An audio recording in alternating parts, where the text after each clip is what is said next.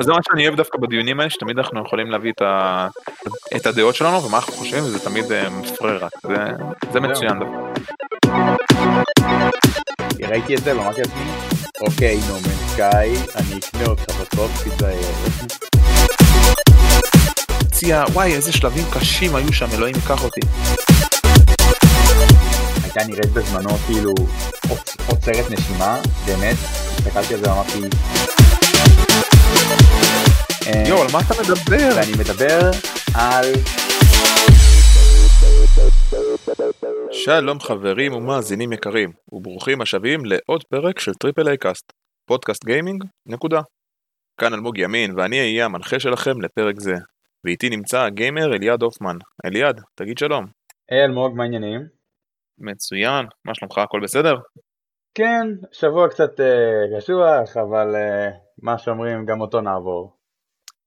כן, אני יודע, באמת שבוע, שבוע קשה שעבר גם עליי וגם על אליעד, אנחנו לא מוכנים לוותר uh, ולהמשיך uh, להחיות ככה את הפודקאסט שלנו. Uh, והיום בפרק אנחנו קצת חדשות, נדבר קצת על עולם מייקרוסופט, אקסבוקס, קצת קולנוע של משחקים, ובפינה המרכזית שלנו נדבר על משחקי remastered שעשו ו remastered שלדעתנו צריכים לעשות.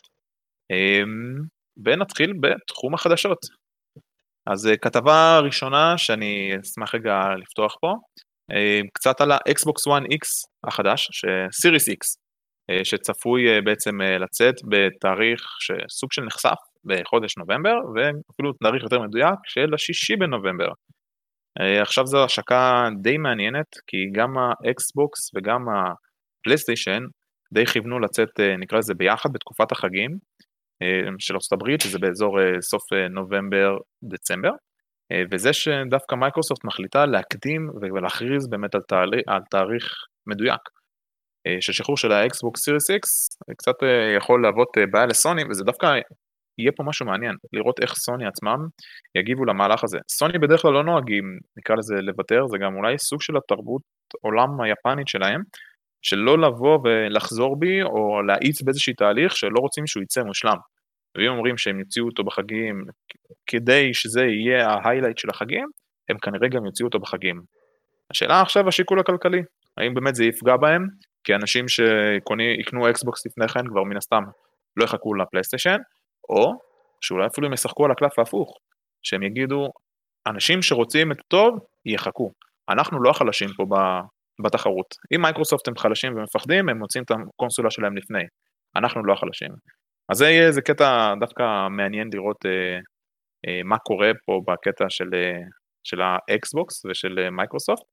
אה, וזה גם קצת מפתיע, בגלל שעוד רגע נדבר על חדשה נוספת שקשורה בדיוק בנושא הזה. ולחדשה שלך, אליעד. אה, אין בעיה, ברשותך אני רק אזרוק איזה, ככה תגובה קטנה על החדשה שלך. אה, זה קרה גם בדור הקודם, גם הפלייסטיישן 4 וגם האקסבוקס 1 יצאו גם כן בסביבות אמצע נובמבר. אה, לא מפתיע אותי כל כך שמייקרוסופט הולכים להוציא את הקונסולה שלהם בנובמבר, זה דווקא התקופה המושלמת אם אתה חושב על זה. זה נותן לחבר'ה של, שאתה יודע, שהם מבוגרים לקנות את הקונסולה ישר שהיא יוצאת בנובמבר, ולילדים לקבל אותה ל Christmas. אז יוצא ככה, זה יוצא בדיוק על התפר הזה של החגים האמריקאים, החגים הנוצריים, סליחה, הם לא רק אמריקאים כמובן, אה, וזה באמת הזמן המתאים הזה להוציא את הקונסולה לאור. סוני לדעתי תוציא אותו עם, כאילו בגבול השבוע, שבועיים, כאילו מקסימום בין ה Xbox Series X ל... אה, כאילו בין התאריך שלה לאקסבוקס סיריס איקס כנראה יהיה משהו כמו שבוע או שבועיים הבדל. סתם כי הם עשו את זה גם בדור הקודם, והם לא יוציאו שני קונסולות באותו היום, זה מפגר לאללה. כן. ו- וכן, כאילו זה לא, לא, לא כל כך מפתיע אותי, זה פשוט, זה קצת הפתיע אותי שזה פשוט אה, יצא בליק, וגם נכון. ש... אני אגב שמעתי על זה פעם ראשונה אה, היום, בסרטון שראיתי של אה, כתבת אה, שנקראת אה, אלנה פירס, היא פרסמה סרטון שלה בנוגע לתחייה, בנוגע לכתבה שלך, שאתה עוד שנייה תדבר עליה, טיזר. ובכתבה הזאת היא גם אמרה, אה, בסרטון הזה היא אמרה שהאקסבוקס אה, יוצא בנובמבר, ואיך שהיא אמרה את זה, עצרתי את הסרטון, אמרתי לעצמי, רגע, אבל הם לא אמרו את זה, אף פעם לא אמרו את זה. ומסתבר שזה, שמהמייל הזה שהם פרסמו לכולם, שאתה רוצה לדבר עליו, אז נחשף גם החודש יציאה של ה Xbox Series X, שזה מהלך מאוד מעניין של מייקרוסופט, לא צפיתי שזה ייעשה כל כך. כן, אתה יודע מה, נראה לי פשוט אה, נעביר כבר את הכתבה השנייה, כי לא, לא כל כך אפשר להתעלם כבר מהתחום הזה, אז אני כבר אגיד על הכתבה הנוספת. אה, ובהמשך לאותו נושא, Halo Infinite, שדווקא אולי יוכרז המשחק אה, השקה עם ה Xbox Series X, דווקא הוא נדחה ל-2021. כך צויץ בעמוד הרשמי של Halo בטוויטר, על כך שהם למעשה לא מספיקים בעקבות התירוצים שלו זה, נקרא לזה תירוצים, הסיבות שלו, אה, חלק מזה זה הנושא של הקורונה ופיתוחים וקשיים אחרונים שנתקלו להם בסדרה, והם לא מספיקים בעצם להוציא את המשחק יחד עם ההשקה של ה Xbox Series X, דבר שסופר אכזב מעריצים שחיכו לאולי המשחק האחרון שככה קוראים לו, שיצא של Halo, ככה שהפיח את החיים חזרה בכותר הזה, לסוג של אינפינט, ודווקא הוא, שהוא נדחה עוד שנה, במיוחד אחרי החשיפה המאוד מאוד נקטלה על ידי המעריצים בכנס של המייקרוסופט שואו קייס, שהגרפיקה נראית, נראתה מזעזע ופשוט לא, לא ברמה שלה הם ציפו, אז ככה זה אולי מחבר את הכל לסיבה האמיתית שזה באמת למה שרצו לדחות את המשחק. אה, זה מאוד מאכזב, במיוחד, ואני כאילו עכשיו מנסה לעשות את החיבור, כי אומרים, אוקיי, אנחנו גם דוחים את Halo, אה, שזה פרויקט של מייקרוסופט, אבל אנחנו גם מקדימים את ההשקה של האקסבוקס, אז כאילו, משהו כאן מאבד לי, מאבד לי את הטעם. אם מייקרוסופט מוציאים קונסולה שכביכול הייתה אמורה להתחרות בפלייסטיישן, כקונסולת גיימינג אה, מרכזית נקרא לזה, אז הם די מאבדים פה את הפער, ואולי בגלל זה גם לא שווה להם לחכות עד סוף חגים, ואומרים אוקיי, הקונסולה מוכנה, חיכינו אולי עד סוף החגים בשביל הילו, הילו לא יוצא, פשוט לא נחכה עד סוף החגים, נשחרר את הקונסולה, נתחיל להרוויח עליה את המזומנים הנדרשים, וזהו. אה, החברה רק טוענת שהמשחק אה, רוצים שהוא כן ינצל פשוט את כל המערכת כמו שצריך של, של Xbox Series X, ולכן הם דוחים אותו, אה, מאוד מאוכזבים ומתנצלים. נחכה לתגובת המעריסים, זה רק מה שיש להגיד בנושא הזה. תראה, אני, אני לא רוצה לבוא ו- ולהיות וולגרי, אבל חרטא, הם ראו את התגובה של כולם מהחשיפה של Halo Infinite, של ה gameplay, הם ראו את התגובה, ראו את זה בעצמם, הלכו כל ה executives ל-343 Industries, ואמרו להם, תקשיבו חברים, הנה העסקה, אנחנו דוחים לכם את המשחק בחודשיים שלוש, אתם הופכים את המשחק הכי יפה ב Xbox Series X, זה, זה התנאי. לא, לא, אלמוג, זה לא משחק השקה לקונסול הדור הבא. אני, אני מצטער, התירוץ של Halo הופך להיות עולם פתוח, ובגלל זה או semi open world, זה לא תירוץ כן. מבחינתי לגרפיקה מגעילה. שתדע, שמיד אחריו אגב, באותו כנס של מייקרוסופט, היה טריילר להרחבה הבאה של Destiny 2. והוא נראה פי 30 יותר טוב, וזה משחק מ-2000 ו... וכל המעריצים יקטלו אותי, נראה לי 17, אם אני לא טועה. 17? אה, Destiny 2, כן, Destiny 2. 17, ואז 18 Forsaken, 19 Shadowkeep, 20, כן, אז 17. יפה, מעריץ אמיתי של Destiny. כל שנה הרחבה, בטח מינוס 40-70 דולר, אבל, אה, אבל כן, זה פשוט לא לעניין, שפשוט הראו לנו את הטריילר הזה, ואז הם מצפים שזה יהיה ה console seller שלהם. זה לא, זה לא ה system אה, שלהם. אני מסכים איתך לגמרי, כן? פשוט הכותר Halo, הם נשענו כל כך, מייקרוסופט נשענו כל כך על הכותר הזה, כי להגיד, אוקיי, זה המשחק שאנחנו הולכים להשיק, תחשוב, אם הם מוצאים לך סוני 5 עם God of War, זה, אוקיי, זה ברור, זה... לצאת יחד עם הסוני 5, Spider-Man, Horizon, אה, משחקים שברור לי שהם משחקי השקה, ופתאום אומרים לך, אה, אה, טוב, אני דוחה אותו פשוט. ספיידרמן יוצא עם הסוני 5, כן, ספיידרמן יוצא עם הסוני 5. תשווה את זה, זה כאילו ההשוואה, ואני אומר, אוקיי, קח את זה, ואז, אוקיי, הם משחררים את סוני 5 בלי שום משחק גדול.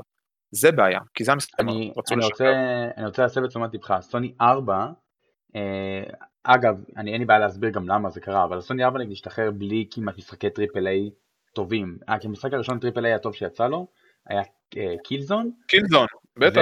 ו Killzone, כאילו, סבבה, נצחק על Killzone שהוא גרוע, או שהוא פחות טוב ממה שציפינו, דברים כאלה, הכל בסדר. Killzone, כמה שהוא היה כזה מאוד אה, מאוד mediocre, הוא עשה את העבודה, כאילו הוא מכר את הקונסולה, הוא עשה את זה כמו שצריך, הוא נתן gameplay איכותי, יחסית כאילו shooter כיף, אני נהניתי ממנו ברמה האישית, וגם חודש חודשיים אחריו יצא Infamous Second Son, שהיה מטורף, כן. כאילו, פוצץ לי את הגג, כאילו, Infamous Second Son, בין המשחקים האהובים עליי על הקונסולה עד היום, ש... אבל שוב, בקונסולה הקודמת, בסוני 4, הם לא יכולו להוציא כמעט שום משחק triple A, כלומר, לא היה את ה upgrade הזה מה-3 ל-4 עדיין, כי היה, יש הבדל מאוד גדול בקפיצה בין הסוני 3 לסוני 4, ככה קצת uh, שיעור בחומרה uh, ילדים.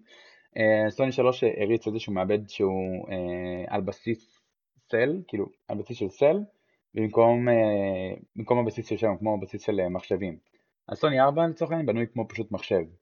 אז, ו, אז הארכיטקטורה החדשה של הסוני 4 היא מה שנתנה, מה שנותן עכשיו את האופציה לתת מלא upgradeים uh, לסוני 5. כי זה פשוט כמה טוויקים כאילו במשחק, ואז הוא פשוט ירוץ על סוני 5 עם יותר, יותר גרפיקה. זה לא באמת עבודה כל כך קשה, כאילו, ואני אני יחסית בא מהתחום, וזה לא, לא עבודה כל כך קשה, כאילו, מה, מה זה מהתחום? אני חוקר על הנושא הזה, זה לא, לא מסובך לעשות, לבקש מהמנוע שמשתמשים בו, אם הוא custom made, או שהוא יוניטי uh, או Unreal, יש אפשרות פשוט לשאוב עוד משאבים מהמערכת, וכאילו כל העניין של קריאה וכתיבה של מידע ל-hard disk או ל-SSD עכשיו, זה דברים ש, כאילו של תכנות, של קוד, אפשר לפתור אותם די בקלות, ובאמת זה מה שנותן את השדרוג הזה, זה לא נותן את השדרוג מהסוני 3 ל-4, אבל מ-4 ל-5 בהחלט כאילו יהיה, זה מה שנותן את השדרוג. ועדיין, ועדיין, החמש יוצא לך עם ספיידרמן, כאילו Miles Morales, לא יודע, Miles Morales, כאילו ה expansion של אה, ספיידרמן. כאילו... כן, אני לא אומר על זה משהו רע, להפך, אני אומר, זה, קח את ההשוואה הזאת, שאם זה מה שהיה קורה בסוני, היינו מתאכזבים נורא. בגלל זה. אני נורא ביקורתי דווקא על הקטע של מייקרוסופט.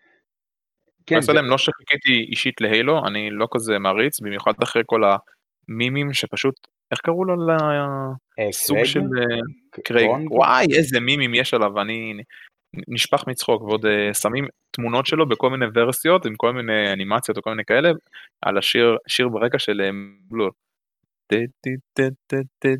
וכל שנייה כאילו מחליפים תמונה שלו וזה פשוט מצחיק נורא אני מקווה שנוכל לשים את זה אחרי זה אה, כאיזה לינק קצת מן הסתם בפייסבוק זה גם יופיע כל מיני תמונות מצחיקות שלו זה שוב זה בא ב... לא יודע חסרונם של מייקרוסופט אולי בגלל זה גם הם הקדימו בסוף את ההשקה.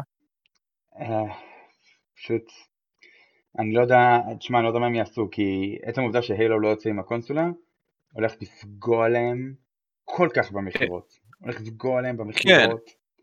כן. יש להם עדיין איזה 100 ומשהו משחקים, אל תשכח שיש להם את ה Xbox Game Pass, שיש להם גישה לספרייה באמת מטורפת, אין דבר כזה לסוני, ולכן יש להם כאילו עדיין נקרא לזה, הם משווקים את אותה חוויה, עדיין ה Xbox Series X זה פשוט לקחת Xbox יותר עוצמתי, יותר טוב, קח תשחק את כל המשחקים הישנים, Ori and the Will of, Will of the Wisps, כל מיני כאלה, כאילו הרבה משחקים שהם כן עברו אופטימיזציה, אז הם נגיד לא יישענו על Halo, עדיין זה אכזבה, ידעתי, אה, וזה בנושא הזה.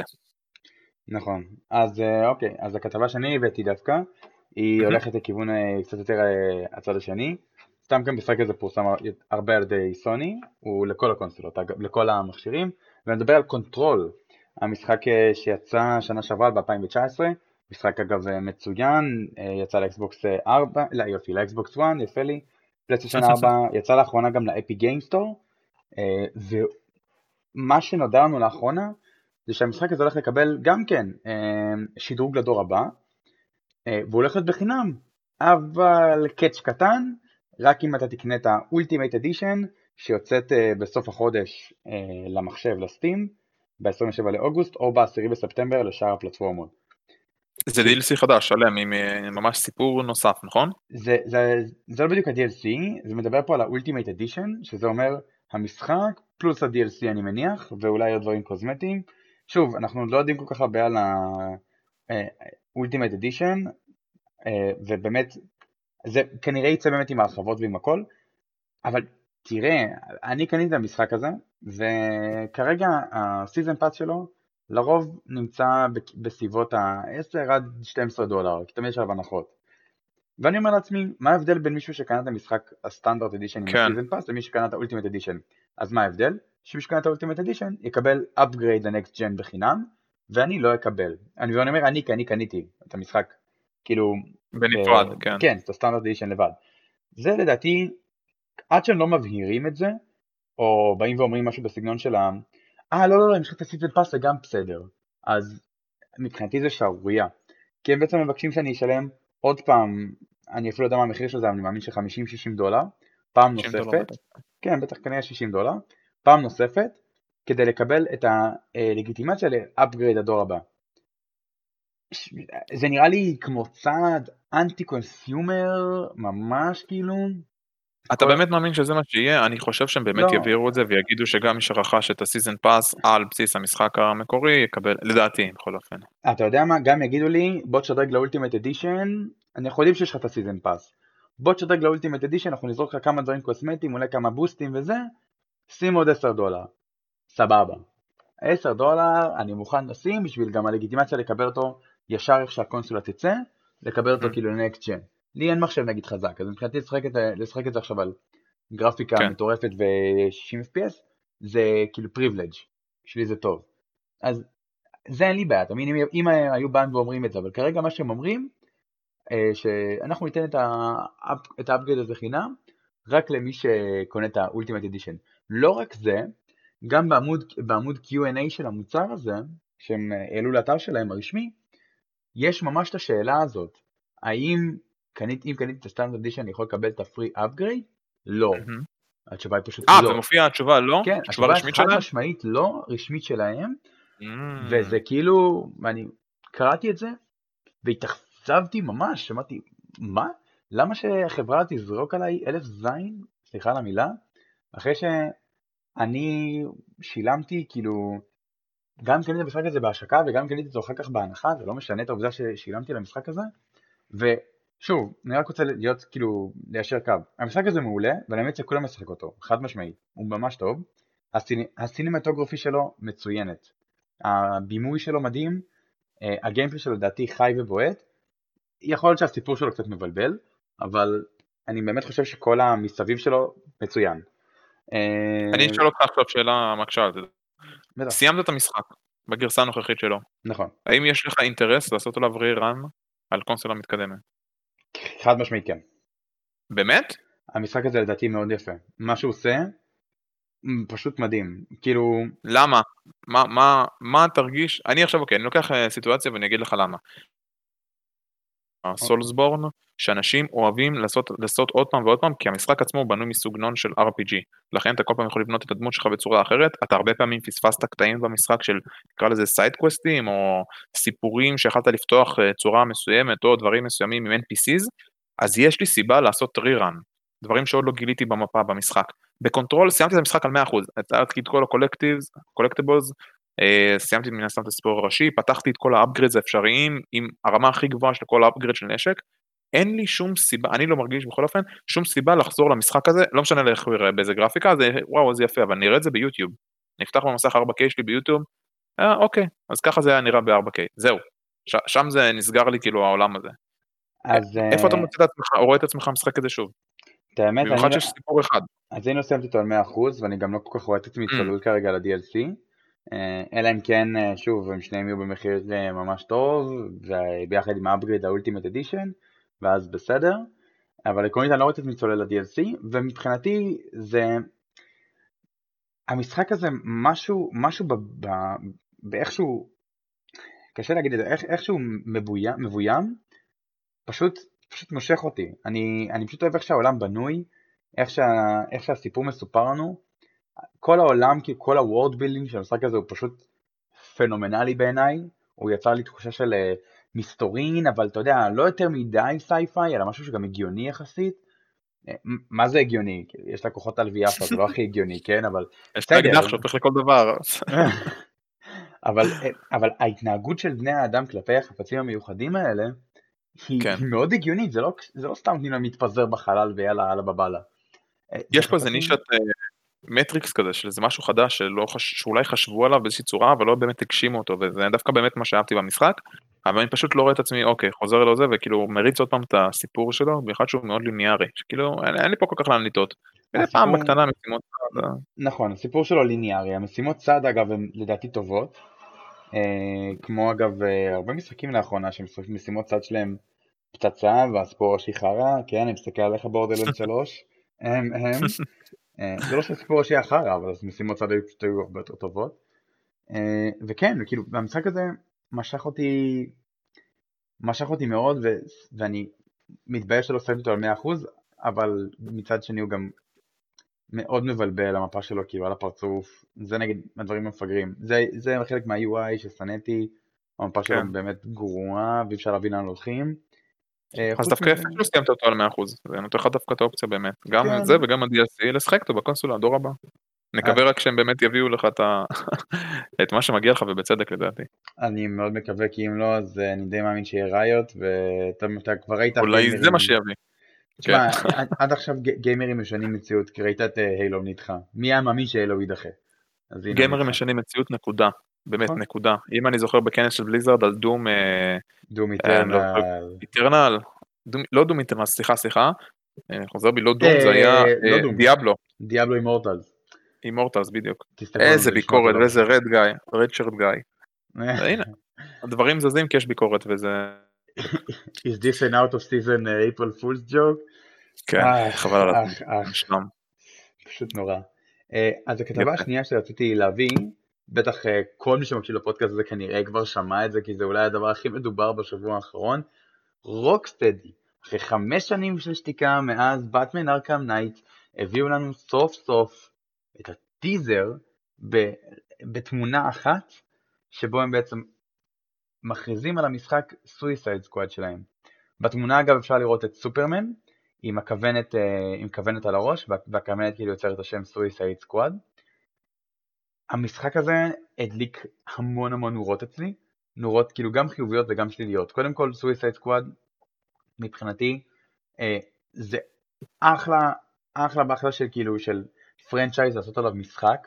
הוא מאוד מאוד אה, מאוד נותן לי vibe של co-op מאוד נותן לי vibe של, uh, uh, אני אומר במרכאות, heroes shooter כזה, נותן לך אופציה לבחור כמה דמויות, אולי יהיה לך כמה סיפורים קטנים של כמה דמויות כאילו מהסויסייד סקוואד ואז איזושהי משימות ראשיות איתם. יכול להיות כל מיני, כל מיני branching paths, כאילו, אני חושב על זה מהמוח של, של מפתח, של מפתח, של storyteller. איך אפשר לקחת את הסויסייד סקוואד ולספר עכשיו סיפור ממש ממש טוב, ובגלל זה אני כל כך רוצה לשמוע על המשחק הזה שהולך להיות מוכרז בצורה רשמית אה, ב-22 באוגוסט ב-DC פנדום שקורה. כן. אגב, יש מלא מלא מלא leaks, אה, כאילו המון המון דליפות שהמשחק הזה כנראה יצא רק בסביבות אה, סתיו 2021, לאקסבוקס סיריס X, פלייסטיישן 5 וכמובן PC 2, סתם PC 1, רגיל. מה, PC לא, לא מקבל דור הבא? זה לא מביך. זה master race אחי. אה סליחה, סליחה. זה הולך לשני הכיוונים, זה גם ה race הכי מוצלח מבין כל ה raceים, אבל זה גם master race כי זה fucking באמת מרוץ שכל הזמן לא מפסיק לשדרג את הדבר הזה, זה פשוט אין לו סוף. אה, שתדעו שאלמוג אומר את זה ויש לו 2080 Ti בבית אז אין לו מה להגיד. יש לי מה להגיד. אמרתי אני קונה מחשב פעם אחת הדור הזה עד שהוא ימות אני אשקיע עליו את מה שצריך את מיטב כספי זה הפעם האחרונה גם כנראה עד שנראה, לא יודע איפה החיים יתפסו אותי עם הילדים, עם המשפחה וכאלה, בטח אני, אני מקווה שעדיין נמצא זמן. אבל uh, בינתיים שיהיה לי את זה ואני יודע שאני עשור רגוע, בתקווה. תמצא זמן לשחק בסוויסייד סקוואד, אה? כי אני אגיד לך מה, כן. אני חייב לדעת מה הם הולכים לעשות, כי התמונה הזאת היא פשוט תמונה שאומרת, היא יכולה לספר, היא יכולה להגיד כמה דברים. או, או שסופרמן אה, ניצוד על ידי, כאילו הולכים לצוד אותו, סוויסט קולקשן מצאו אותו וזה הולך להיות העלילה, ואם זאת העלילה, אז אני, אני כבר עושה לו דרופ מעכשיו, כי זה לא עלילה, זה לא תופס כלום, אה, כי זה לא תופס עלילה מבחינתי לעשות את סופרמן. זה נראה לי, זה נראה לי יותר מדי נישתי, למי שנגיד קורא את הקומיקס ועוקב, מאשר לנסות לגייס קהל חדש שלא מכיר את הקומיקס של סוויסייד סקוואד. ואני מביניהם אגב. שמועה, הייתה שמועה שהשם של הסדרת משחק הזה, שהסדרה, שהמשחק הזה יהיה סוויסייד סקוואד Kill the Justice League. שמע, אם זה באמת זה, אני לא בטוח שאני אתלהב ממנו כמו שאני מתלהב ממנו עכשיו. למה? עכשיו... אני דווקא מאוד אוהב, אני אוהב את ה spin-offים האלה. תן לי, תן לי דווקא לראות את זה, אה, בין אם זה, אני לא קורא קומיקס מובהק, אני לא, אין לי את כל הגיליונות ואני לא זה, אבל אני כן מסתכל מדי פעם, אני דווקא מת על ה spinים האלה, יש spin נגיד שעשו עם דדפול, שהוא פשוט הורג כמעט את כל ה Marvel Universe, שזה פשוט נפלא. פשוט נפלא, כי אתה פתאום רואה... בתור קומיקס, כן, בתור קומיקס זה כן. מעולה. אבל, זה, אבל יש הבדל נגיד משמעותי נגיד בין קומיקס למשחק, כי משחק, לייצר אותו, סליחה, לייצר משחק עולה פי כמה וכמה וכמה יותר מלייצר uh, קומיקס. ולכן כשמייצרים משחק, אז אי אפשר להתחשב, אתה יודע, כמו שמתחשבים בקומיקס. קומיקס אפשר להוציא גיליון, כאילו להוציא סדרה עכשיו, של אפילו, ואני אגזים, כן? של אפילו 100 אישויים, והסדרה הזאת. לא תתפוס ממש. אבל ההפסד בכסף לא יהיה גדול, כי בסוף להכין קומיקס ולהדפיס אותו עולה הרבה פחות מלפתח משחק ולשחרר אותו לאור. אתה טוען שבעצם משחק שיציג את זה שנגיד הורגים את סופרמן או עושים משהו מאוד כזה מאוד אה, מאוד מיינסטרים כן. יבש כן. מיינסטרים ויבש דווקא יעלה להם? אני חושב שלא... שזה, אני חושב שזה לא, לא יתפוס. זה... וואו אני דווקא אני חולק עליך פה אני חושב שזה הכי יתפוס כי לאנשים כבר נמאס מכל הזה עוד פעם אוקיי טוב מה אני אשחק עוד איזה גיבור עוד זה תאר לך היה משחק שאנחנו משחקים את ונום שאנחנו משחקים את קרנייג'. זה משוגע. משחק את... אה, שאתה משחק את, אני אה, לא, לא יודע, אני עכשיו בטח אחשוב על נבלים ועכשיו בטח לי בראש אוקיי, הרבה תיאורים של זה, תחשוב זה יכול להיות פשוט מדהים.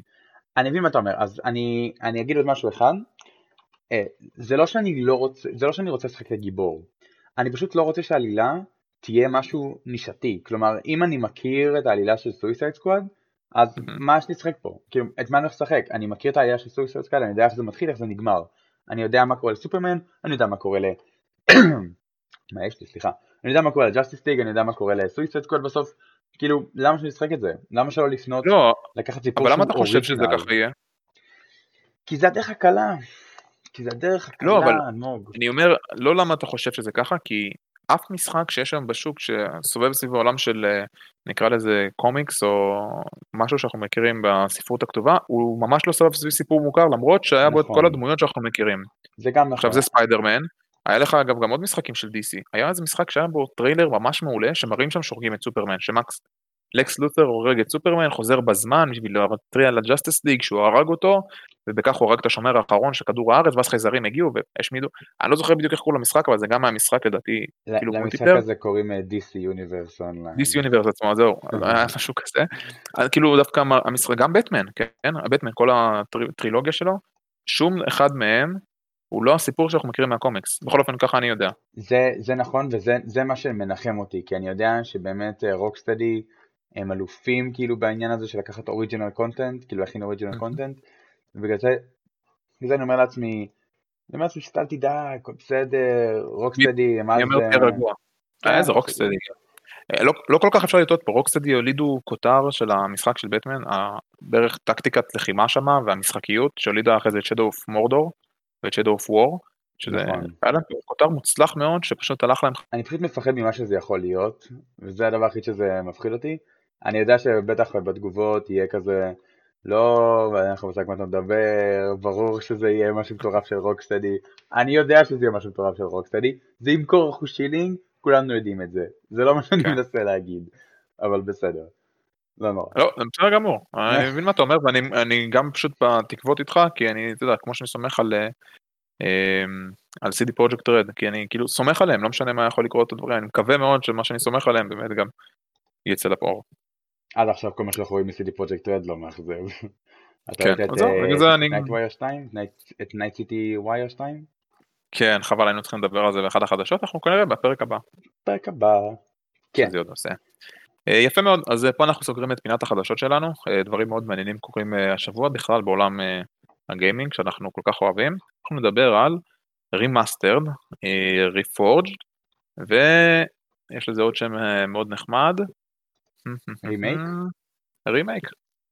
אז אנחנו בעצם רוצים uh, uh, לדבר, לפתוח פה איזה נושא מאוד מעניין, דווקא על משחקים שעשו להם את הרימייק ומה חשבנו עליהם, מה אנחנו רוצים להגיד עליהם, ומשחקים שאנחנו חושבים שנדרשים לקבל רימייק, אנחנו ככה נעשה להם גם קצת איזה רקע למי שלא מכיר אותם, uh, נדבר עליהם, נרחיב עליהם, uh, ואני ברשות אליעד, אני אתחיל עם המשחק הראשון שלדעתי uh, חייב, חייב, חייב לקבל רימייק.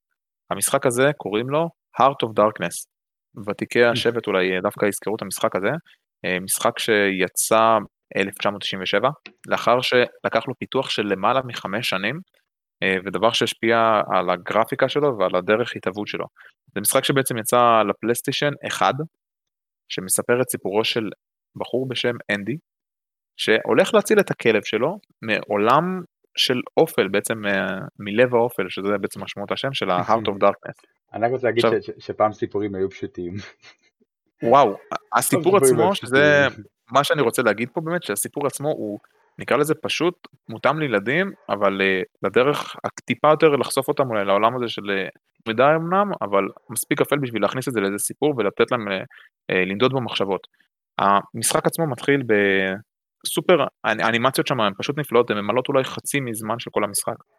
המשחק מתחיל בזה שאנדי סוג של חולם בהקיץ בזמן שהוא נמצא בשיעור בבית ספר, בזמן שהמורה שלו מדבר על חורים שחורים, על המדע שמאחוריהם, ועל זה שהם אפילו עשויים להוות, לפי חלק ממדענים, שער ליקום אחר. עכשיו אנדי כמובן משעמם לו מאוד והוא נרדם בשיעור והמורה שלו כמו שהיה אולי נהוג פעם אה, פשוט לוקח אותו ומכניס אותו לארון. וכבר בפתיח של המשחק אנחנו מבינים שאנדי ממש משקשק מפחד כשהוא בא לסגור את דלתות הארון ואז המורה שואל אותו מה אתה מפחד מהחושך אנדי מצליח אה, סוג של לברוח למורה, אה, לרוץ, ויחד עם הכלב שלו, נקרא לזה לרוץ לשדות ולברוח מבית הספר לאותו רגע. אנחנו כבר מבינים מההתחלה של המשחק שלאנדי יש אה, פחד מהחושך, וזה מה שסוג של מגולל סביב העלילה את כל הנושא הזה. חלק ממה שקורה בפארק זה שאנדי יושב עם הכלב ומשחקים איזה יופי ומתחיל איזשהו ליקוי חמה. ובליקוי חמה ספק אנדי מדמיין, ספק קורה במציאות, חוטפים את הכלב שלו, שדים כאלה, שדים צללים, שדי אופל, הכלב קוראים לו וויסקי, אז הם חוטפים את וויסקי לעולם שלהם. עכשיו אנדי, שידוע כמי שלא אוהב ללכת כל כך לבית הספר, נרדם בשיעורים, אבל ילד מאוד פורה ומלא המצאות, הוא רץ הביתה כמובן בשביל אה, למצוא את הדרך להציל את וויסקי, עולה לבית העץ שנחשף לנו במלא טכנולוגיות והרבה דברים, סקייטבורדים, עם אה, הדבקות של גלגיליות ומעלית שמופעלת על ידי מנוף מיוחד, כל מיני דברים כאלה שבתור ילד, שבדיוק שיחקתי עם המשחק הזה, נקרא לזה בגיל 10-12, זה בדיוק דיבר אליי, וזה כאילו המשחק קלה בול אולי לקהל יעד שלו. שאתה מנסה כל פעם להמציא ולעשות כל מיני דברים שמן הסתם לא, לא בהכרח יעבדו כאלה, אז אתה רואה את זה דווקא במשחק. ואז אנדי מתחיל סוג של, שוק, סוג של אה, תוכנית, בונה תוכנית אה, פעולה לאיך להציל את וויסקי, איך להגיע אליו, זורק כמה דברים לתוך התיק שלו, מוציא איזה סוג של אב טיפוס אולי של רובה לייזר, שכביכול הוא המציא, נכנס לחללית מוזרה כזאת שהוא בנה מכל מיני אה, חלקי חילוף, ומתחיל בעצם בהרפתקה לעולם הזה. ואנחנו לא מבינים בכלל, מתחילת בעצם אפילו תחילת העלילה פה, האם הכל במציאות, או שאנדי חולם את הכל. אנחנו לא מצליחים להבין בעצם אם זה באמת מציאות ואיזה עולם מקביל דמיוני, או האם באמת אנדי חולם את כל הסדרה. עכשיו, המשחק עצמו, ולמה אני באמת חושב שמגיע לו רימייק, הוא במספר מישורים. המישור הראשון, משחק סופר מצוין מבחינת העלילה שלו, שסבל קשות מההיבט הטכנולוגי. ומה זה אומר? המשחק לקח לו חמש שנים כמעט לסיום הפיתוח, שהוא הציג מודל תלת-ממדי שהיה סוג של רק בחיתוליו, כשהם התחילו לעבוד על המשחק, ובגלל שנדחה המשחק כל כך הרבה פעמים, הם עברו לדוגמה שלוש שנים שהסטודיו עבד על המשחק, הם עדיין היו צריכים להישען על המודל שכבר הם התחילו לפתח במנוע, בזמן שבשוק כבר התחילו מנועים אחרים להציג אה, תוצרים הרבה יותר, באיכות הרבה יותר טובה והרבה יותר אה, נקרא לזה finished products. אה, הסטודיו בכל אופן לא ויתר, זה אותו סטודיו אגב שייצר את המשחק Another World, אני לא יודע אם מישהו מכיר, Amazing Studio, זה אולי נסומיאק, זכרתי שזה משהו כזה על, על התפר הזה. אז Amazing Studio, הם באמת uh, פיתחו, היה להם את התקלות הטכניות האלה, מה שהוביל בסוף למשחק והחליטו להש, להשקיע עוד קצת כסף וזמן משלהם, כדי לסגור את המשחק כמו שצריך. בסופו של דבר קיבלנו משחק של בערך, uh, יש כאלה מעריכים uh, פחות מה-20 שעות בשביל לסיים אותו, ושהוא היה מאוד קצר לעומת מה שרצו, כשהעלילה שלו פשוט סוחפת ומעולה. עכשיו אני אומר, לקחו את הכותר הזה, משחק שכבר יש לו עלילה מצוינת, שיש לו סיפור מעולה, ויש היום את האמצעים להפוך את הגרפיקה שלו לגרפיקה הרבה יותר מושקעת ואיכותית, ופשוט תעשו לו את remaster כי באמת מגיע לו. עכשיו המשחק עצמו, ברגע שאתה מתחיל אותו, אתה משחק בעצם את אנדי שב side scrolling, adventure arcade כזה. אנחנו מנסים uh, להציל את וויסקי, כשבדרך אנחנו נלחמים בעצם במפלצות שדים האלה, יחד עם הרובה לייזר שלנו, ויש שם קטעים גרוטסקיים ממש, של המוות של אנדי. בין אם הוא נאכל על ידי הצללים שהם פשוט בולעים אותו שלם כשהצל פשוט עף עליהם מהפה והם עם בטן ענקית כזאת שמעכלים אותו, בין אם זה שהוא פשוט אה, נבלע בתוך ביצה, נשרף, נופל מצוק, יש שם אה, מלא אנימציות גם לדרך של המוות שלו, שזה באיזשהו מקום גם אתה תופס את זה בואנה, משחק סופר בוגר, כאילו, הוא לא סתם מראה לנו את הפחד של אנדי מהחושך, כמו שיש להרבה ילדים ולאנשים צעירים, אלא הוא גם מראה את ה... נקרא לזה באמת החששות האמיתיים שלנו מהפחד מהחושך, אנחנו מפחדים מהצללים, אנחנו מפחדים מהשדים האלה, וגם מראה לנו את הסוגי מוות של מה שקורה לאנדי, שזה פשוט מזעזע, אבל מאוד, נקרא לזה מאוד בוגר, מאוד בוגר בתוך המשחק.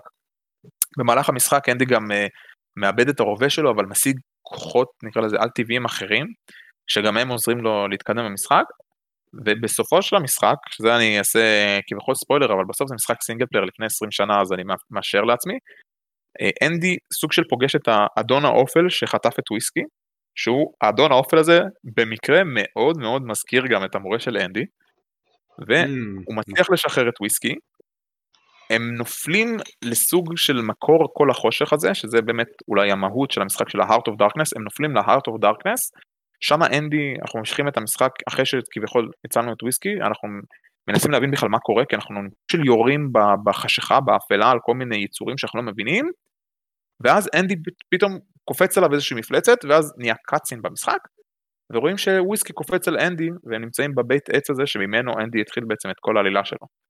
ואז אנחנו ממש מבולבלים, כי אנחנו באמת לא מבינים אם היה פה איזה משהו אחר, כי לא קרה שום, שום איזה מסלול שהוא עשה, שהוא חזר לבית העץ, הוא בכלל התעורר בחושך, אולי הוא נרדם כשהוא חולם, כשהוא הולך להציל את וויסקי, ובכלל וויסקי לא נכתב ולא שום דבר.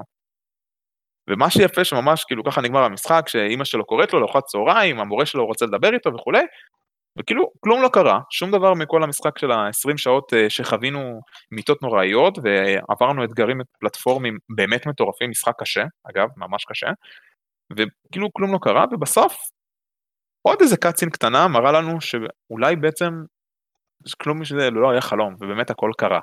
אז זה משחק סופר מוצלח, אני אישית אה, נהניתי ממנו ברמה מטורפת, האווירה שהמשחק הזה נותן לך, מינוס האנימציה שדווקא אותה צריך היה לשפר, פלוס סיפור, דווקא מביאים אותי למקום שאני אומר, זה משחק שצריך לעשות לו remastered, ולא בהכרח לקחת משחקים נקרא לזה שכבר הצליחו והיו טובים וכאלה, אה, ולתת להם remastered. קחו משחקים שדווקא נכשלו, דווקא משהו שלא בהכרח עבד כמו שצריך, ותנו לו את ה remastered כי מגיע לו.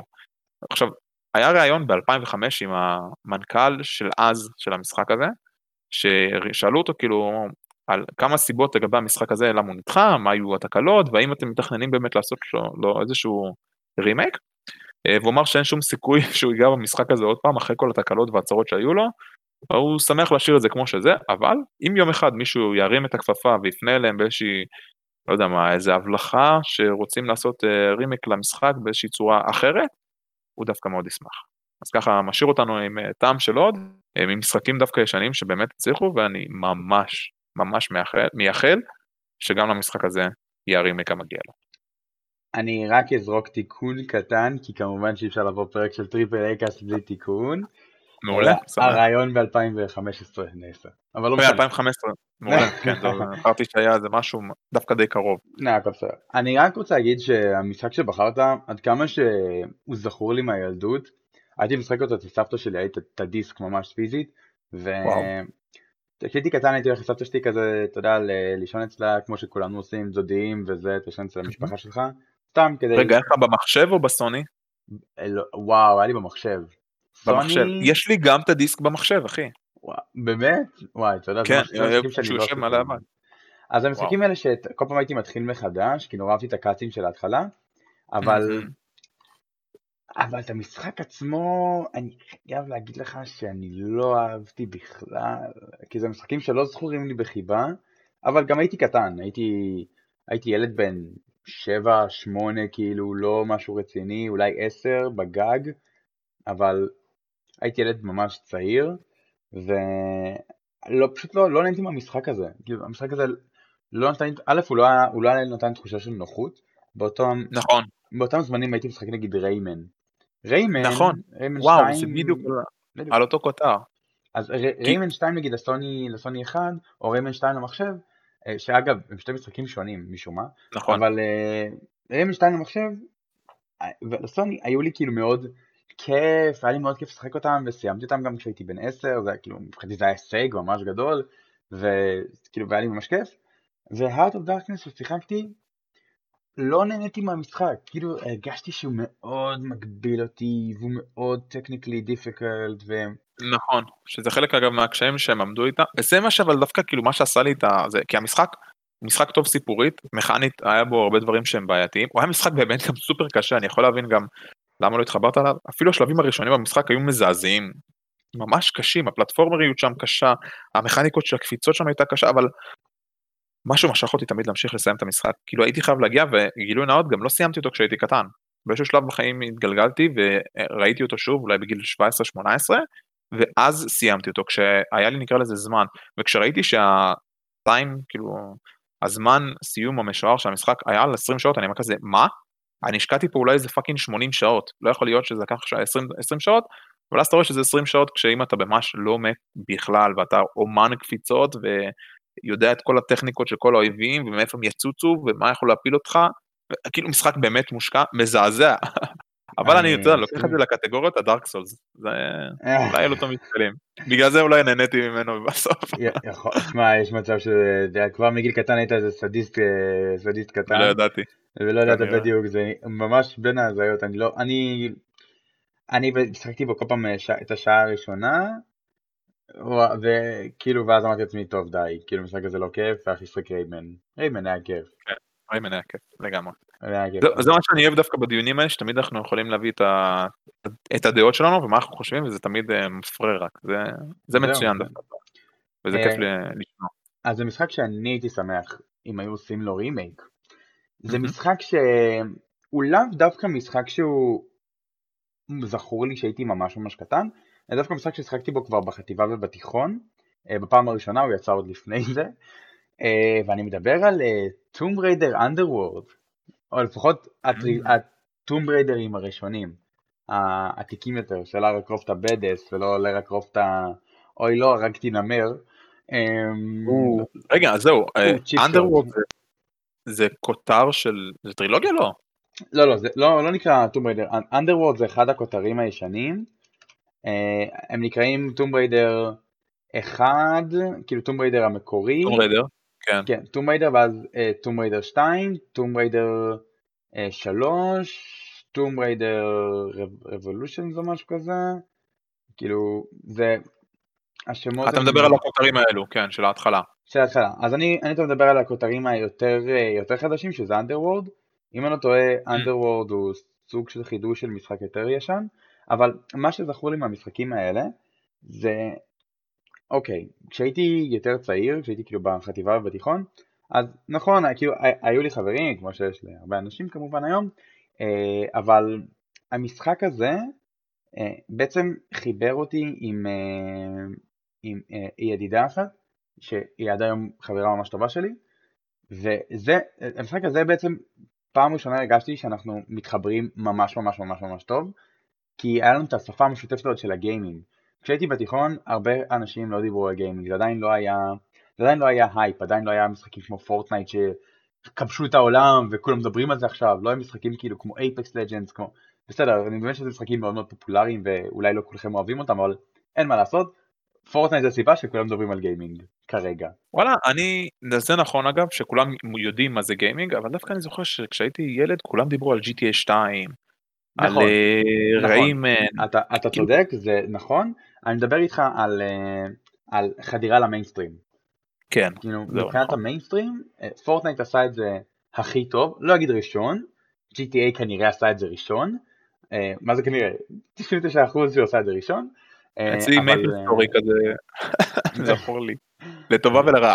זהו, זה בעיקר אה, לטובה עד ה Big Bang ואז לרעה. בכל אופן, אה, אז, אז מה שהמשחק הזה בעצם נתן לי, זה את השפה המשותפת הזאת עם אותה, עם אותה ידידה.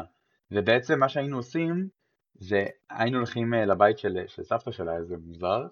עכשיו אני חושב על זה כזה, בדיעבד זה כזה, the fuck, טוב. אז מציאות ילדים ישראלים. היינו הולכים לבית של סבתא שלה, ובבית של, של סבתא שלה היה בעצם, אה, היה לה קונסולה של PlayStation 3, והיה לה כאילו את אחד ה remaster-ים כאילו של Tomb Raider Underworld. עכשיו אני אומר שזה remaster, אבל אף אחד מאיתנו לא ישחק בזה היום. כאילו זה לא משחק, זה לא, זה לא שאני אומר לעצמי, וואו זה רימייק משוגע, והנה יש רימייק קיים. יש remaster קיים ל PlayStation 3 ב-HD, ו-HD אז זה היה 720p, היום אם יש לך 720p בסרטון ביוטיוב, אתה מתעצבן ומשאיר תגובה רעה. אז נכון. אה, כן. בכל אופן, אז המשחק הזה בעצם נתן לי את הפעם הראשונה הזאת שבה החלטתי לדבר איתה שפה משותפת, כי גם אז ידעתי על גיימינג יחסית הרבה, אה, גם במובן הטכני יותר, ודיברתי על זה יחסית הרבה בשעות היום שלי, וזה בעיקר מה שהעסיק אותי. ופתאום אני בא, ואנחנו יושבים ביחד, ואנחנו משחקים בערך מ... וואו, לא יודע, מאיזה 8-9 בערב, עד 2-3 לפנות בוקר, משחקים טום רדר אנדרוורד, כן. ועשינו את זה איזה 3-4 פעמים, ו- וזה יצר, כאילו, יצר בינינו את הקשר הממש טוב שיש לנו היום. אה, לא, לא רק זה כמובן, אבל זה נתן לנו את השפה המשותפת שאנחנו משתמשים בה היום כדי לדון. זה נגיד, אה, פתאום אני, פתאום אני הראיתי לה כמה אני מבין בחומרה, כאילו בחומרה ובגיימינג, ואז קלטתי כמה היא, כמה היא מאוד נבונה, והיא יכולה לדבר על דברים, אה, איך היא מצליחה לקלוט את הנושא שיחה מאוד מהר, למרות שהיא לא בדיוק גיימרית גדולה בעצמה. והיא מקשיבה לפודקאסט הזה, ידעתי מי, ידעתי מי ואני לא יורד עלייך, את נשמה טובה, ידעת מי. הייתם משחקים בתורות? אה, לא בדיוק, היינו פשוט משחקים ביחד, זה משחק עליזתי. וכאילו, היא הייתה מתחילה לשחק, מראה לי את המשחק, כי אני בזמנו לא, לא הכרתי את הטום ריידרים הישנים, הכרתי רק את הרימייק ב-2013 החדש, אה, והיא פשוט שיחקה את המשחק, נתנה לי קצת לשחק.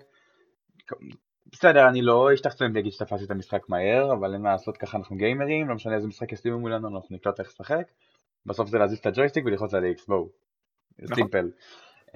קודם כזה משחק יפני ואז איך לחפש את המקשים. בכל אופן, אז שיחקנו במשחק הזה והגענו יחסית רחוק כל פעם, התקדמנו עוד טיפה רחוק עוד יותר רחוק רחוק, עד שסיימנו את Underworld באחד הישיבות, וניסינו להתחיל גם את אה, אה, את Anniversary, או את Legend, אחד מהם, כאילו, ושם נגיד פחות התלהבתי כבר מטום ריידר, כבר אמרתי לה טוב, אנחנו צריכים למצוא משחק קצת יותר מעניין.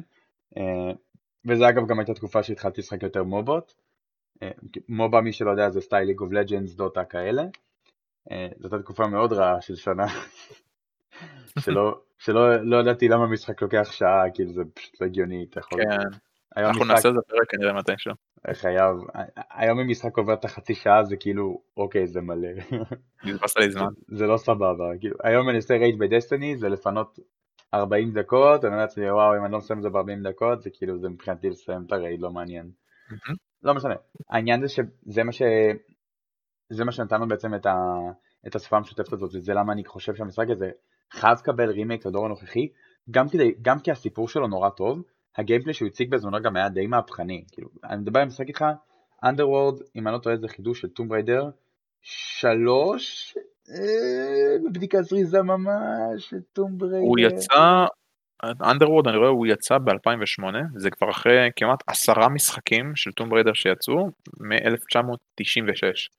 אז כאילו אני רואה שגם בגרפיקה שלו הוא נראה, הוא נראה מאוד טוב. נכון, זה לא רימייק, זה פשוט, זה ה installment השמיני בסדרה. זה ממש משחק בפני עצמו. כן. לי דווקא זכור שכשאני, אני שיחקתי לדעתי ב Tomb Raider הראשון ואפילו סיימתי אותו, הוא היה משחק. מהפכני מבחינתי, כאילו הייתי ילד קטן, לא ראיתי אף פעם משחק כזה, עם כל הקפיצות והסלטות ולראות כפול וטיגריסים ונציע, וואי איזה שלבים קשים היו שם, אלוהים ייקח אותי. ואני זוכר שאיזה פעם אחת קנו מחשב חדש בבית, וכמובן שכולם משחקים במחשב, והתקינו לו, דיברנו על זה גם פעם, שהתקינו מלא משחקים, כשהיינו ילדים קונים מחשב, איזה כיף, יש מלא משחקים מותקנים על המחשב, אחד מהם היה טום ריידר, אני לא זוכר איזה מהם, אבל זה היה כזה, יא, יש טום ריידר חדש, אני חייב לשחק אותו. התחלתי והוא היה מזעזע ולא יכלתי לסבול את זה, אמרתי מה זה הדבר הזה, מה עשו למשחק, זה לא מה שאני אוהב, הכל השתנה, נהיה יותר מדי מצועצע כזה, כאילו היא משקפיים עגולות כאלה מודבקות לה לראש והיא הכל אה, מאוד נקרא לזה שופע בדמות עצמה וכזה לא, לא יודע, לא, לא הצלחתי להתחבר, אבל עכשיו שאני רואה את Underworld, לא הכרתי את הכותר לפני כן, אני כן אגב רואה שהוא משחק שמאוד מפורסם, חזק ב Game Pass ב Xbox, הוא אחד המשחקים הכי דווקא פופולריים אפילו, אז אה, וואי, דווקא שווה סיבוב בדיקה. אנדרוורד נמצא בגיימפאס? אני חושב שאתה מדבר אולי על סדרה חדשה, סדרה חדשה נמצאת ב Game Pass. לא, לא, Underworld.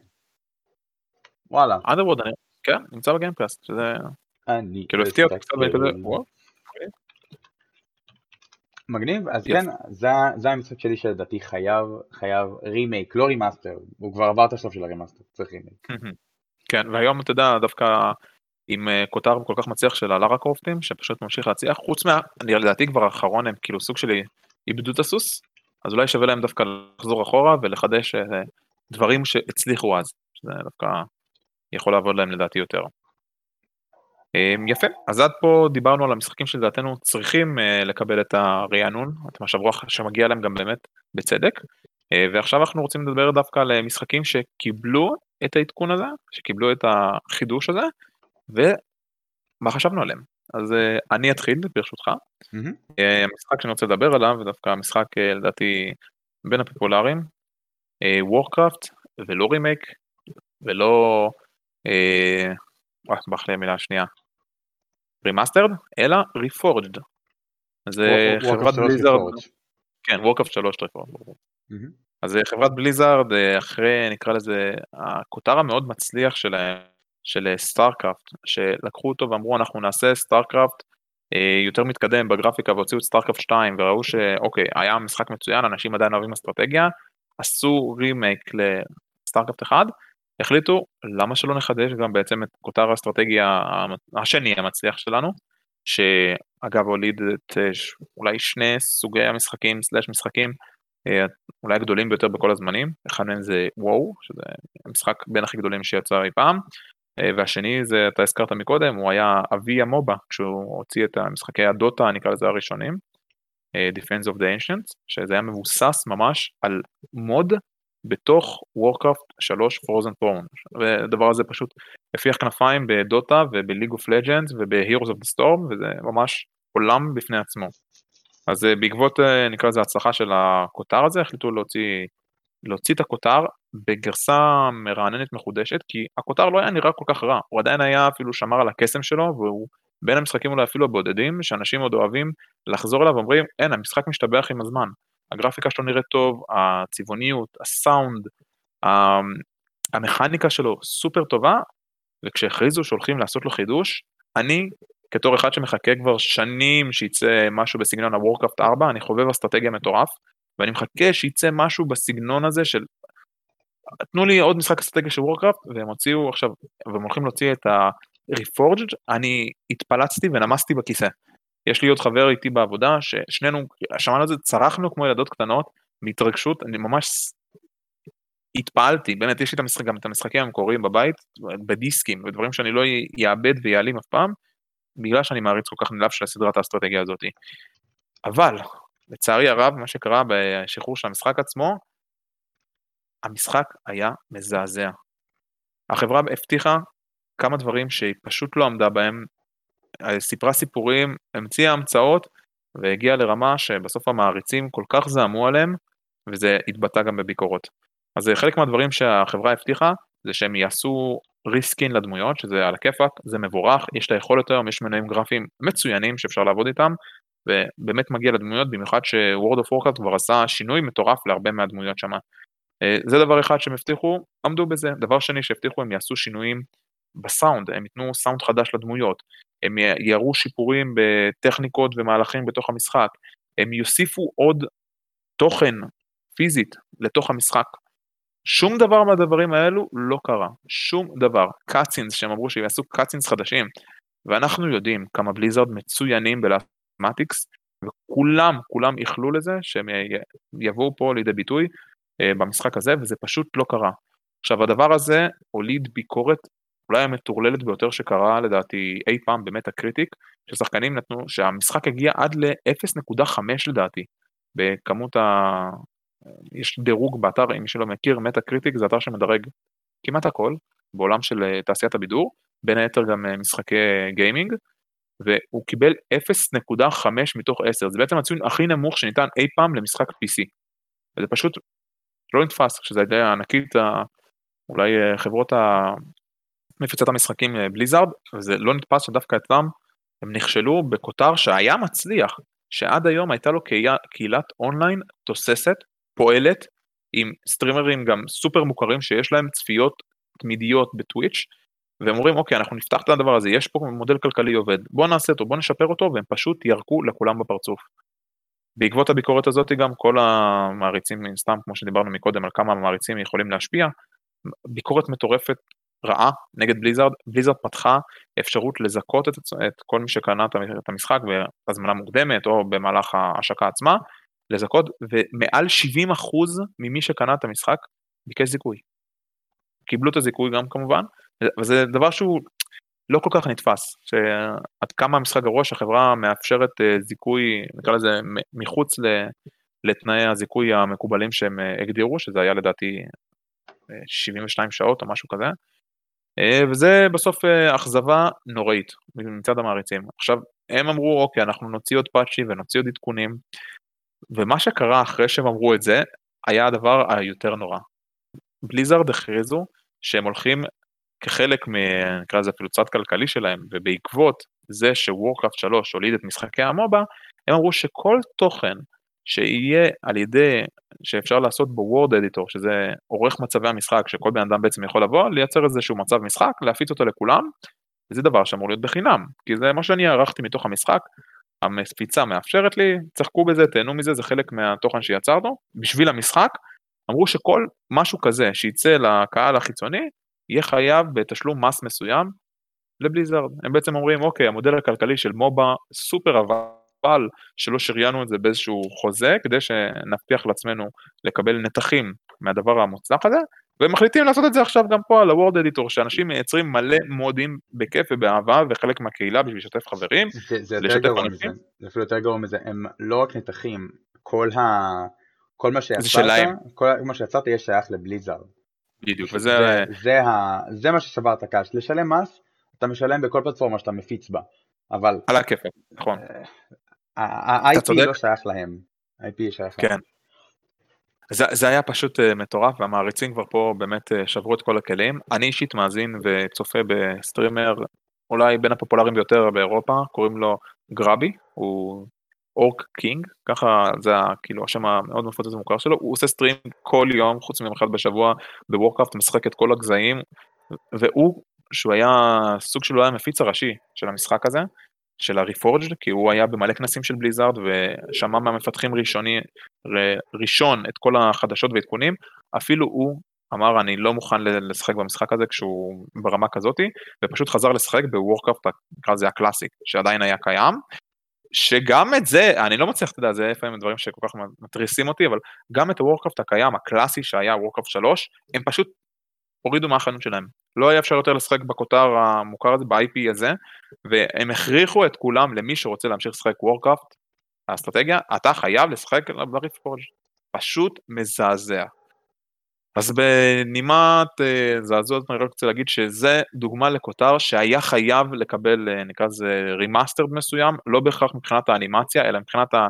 כי המשחק הזה עדיין חי ונושם והיו יכולים לעשות ממנו משהו הרבה יותר, משחקי אסטרטגיה זה לא משהו שמת מהעולם, להפך הם עדיין עובדים חזק אה, ועיין ערך בכל סדרת כותרי Total War, War, לא, לא Warhammer, כל סדרת משחקי Total War, משחקי אסטרטגיה מטורפים וזה פשוט אכזבה נוראית שאני לא יודע איך אפשר לתקן את זה כי אני באמת לא חושב שאפשר ואם אי פעם ייחלתי לאיזשהו משהו בסגנון וורקאפט 4 היום אני יודע לשים את הציפיות ואת האיחולים שלי בצד ולא יודע ליהנות ממה שיש.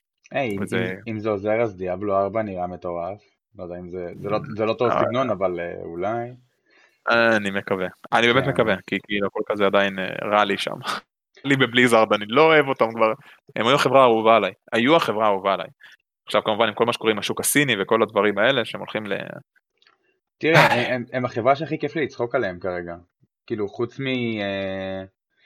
אה, חוץ מאקטיביז'ן, אבל גם אקטיביז'ן שינו כיוון, גם EA שינו כיוון, כל החברות מתחילות לשנות כיוון. כן, דווקא בליזארד לקחה דווקא כיוון לא טוב, וזה מעצבן. כי אני משחק מלא משחקים שלהם, נגיד, אני משחק המון, המון הרסטון. אני התחלתי לשחק לאחרונה את הוורזון ב-call of duty, מעולה חבר'ה, כאילו זה חינם, לכו על זה. אה.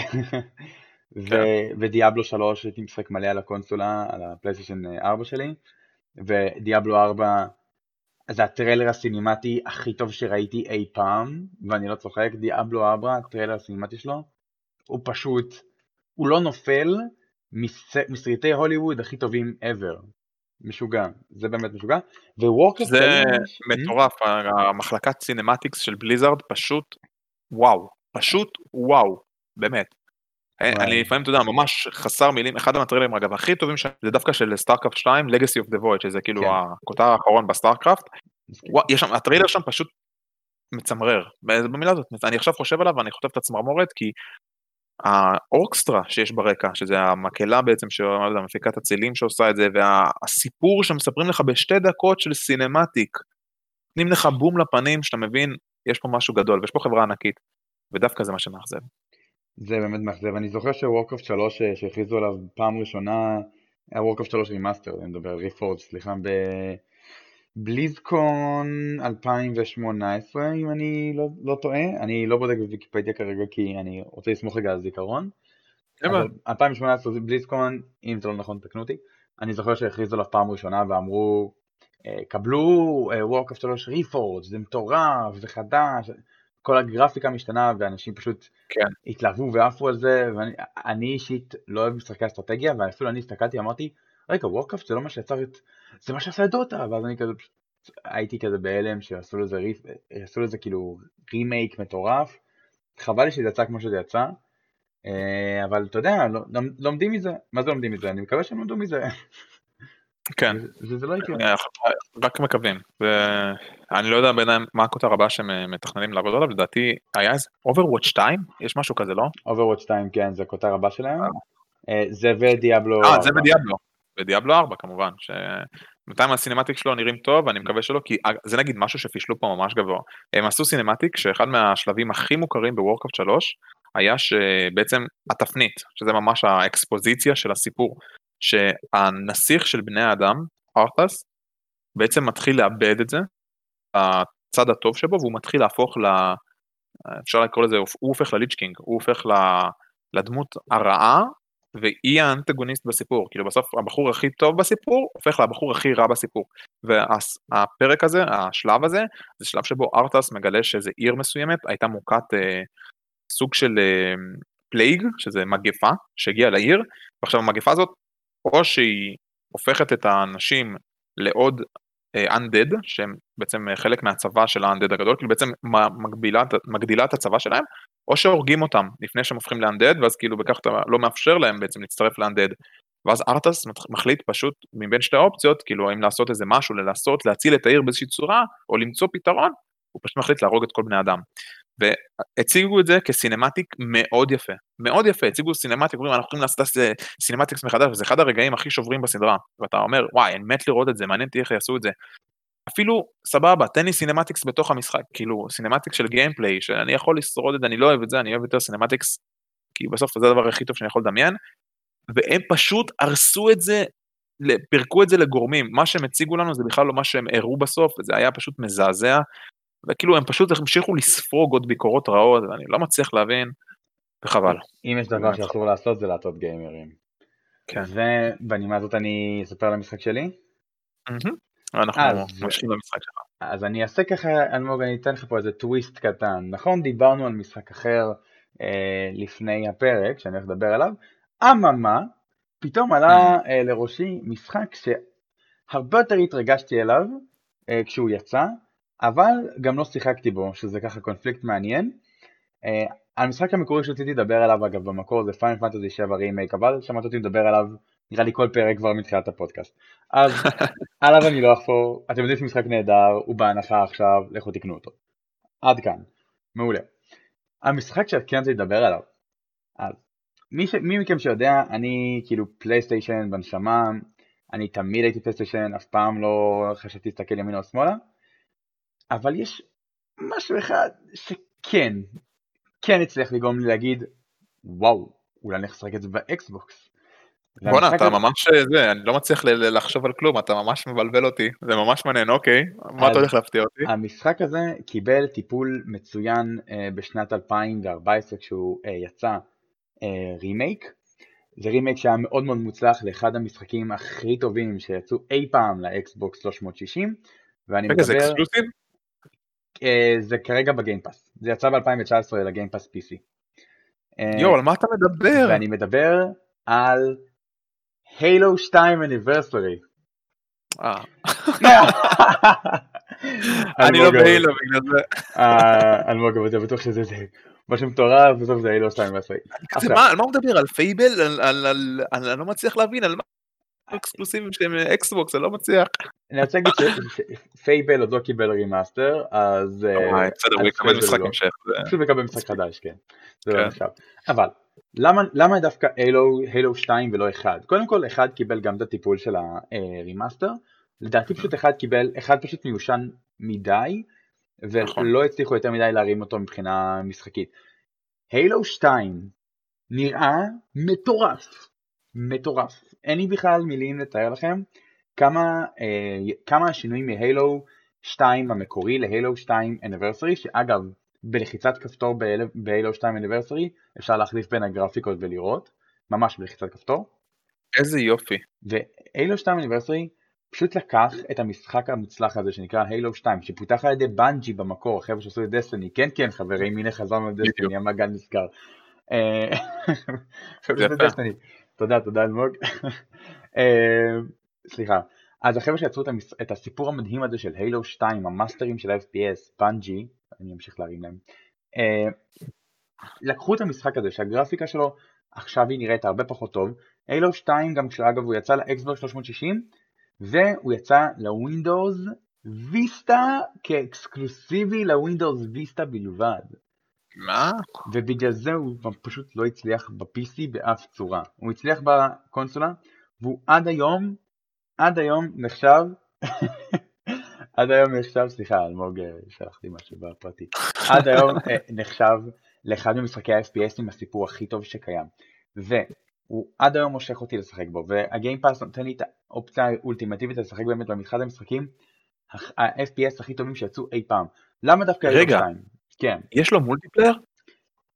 כן, יש מפות multiplayer של Halo 2, בהחלט. הוא, אוקיי. הוא בהחלט משחק של multiplayer. למה בעצם אני מדבר על Halo 2 Anniversary ולא על Halo Combat Evolved Anniversary? Halo 2 Anniversary זה משחק שבמקור, אה, במקור הוא היה בתכנון אבל הוא הוכרז רק אחרי ש Halo Combat Evolved קיבל את ה Anniversary treatment שלו ולקח הרבה מאוד זמן והרבה בקשות של מעריצים עד, ש... עד ש Halo 2 יצא. כאילו Halo 2 Anniversary יצא. אוקיי, אנחנו נעשה רגע יישור קו. אני אומר Halo 2, אני מתכוון ל Halo Anniversary, פשוט נחסוך את המילה Anniversary, גם ככה קשה. אז כש Halo 2 יצא, ב-2014 ל Xbox One, גם בתוך ה Game Pass אגב, ברגע שה Game Pass יצא אז זה השתחרר ל Game Pass, עד אז זה פשוט נכלל בתוך ה Master Chief Collection, שאגב זה collection מדהים שנכלל ב Game Pass, טללה, המשחק הזה לקח את הגרפיקה הטובה מאוד שהייתה אז בזמנו ל-Halo 2 שנראית היום סבירה מינוס והעלה אותה למדרגת, ה... למדרגת היופי שאני היום אתן גם במשחקים שהיית נותן להם נגיד 7 אמ, בגרפיקה. אתה יודע, זה לא, זה לא God of War, סבבה? זה לא נראה כמו Gears 5. אני אתן את שני העולמות כדי שכולנו נבין.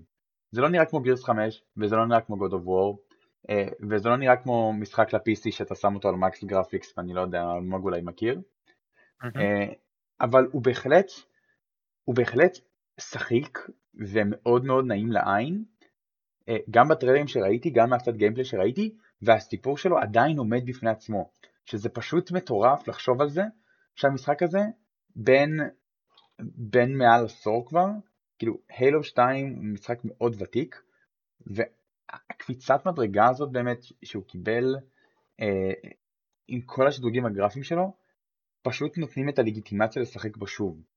כן הוא מעל 10 שנים הוא כבר כמעט 15 הוא כבר 16 שנה בשוק.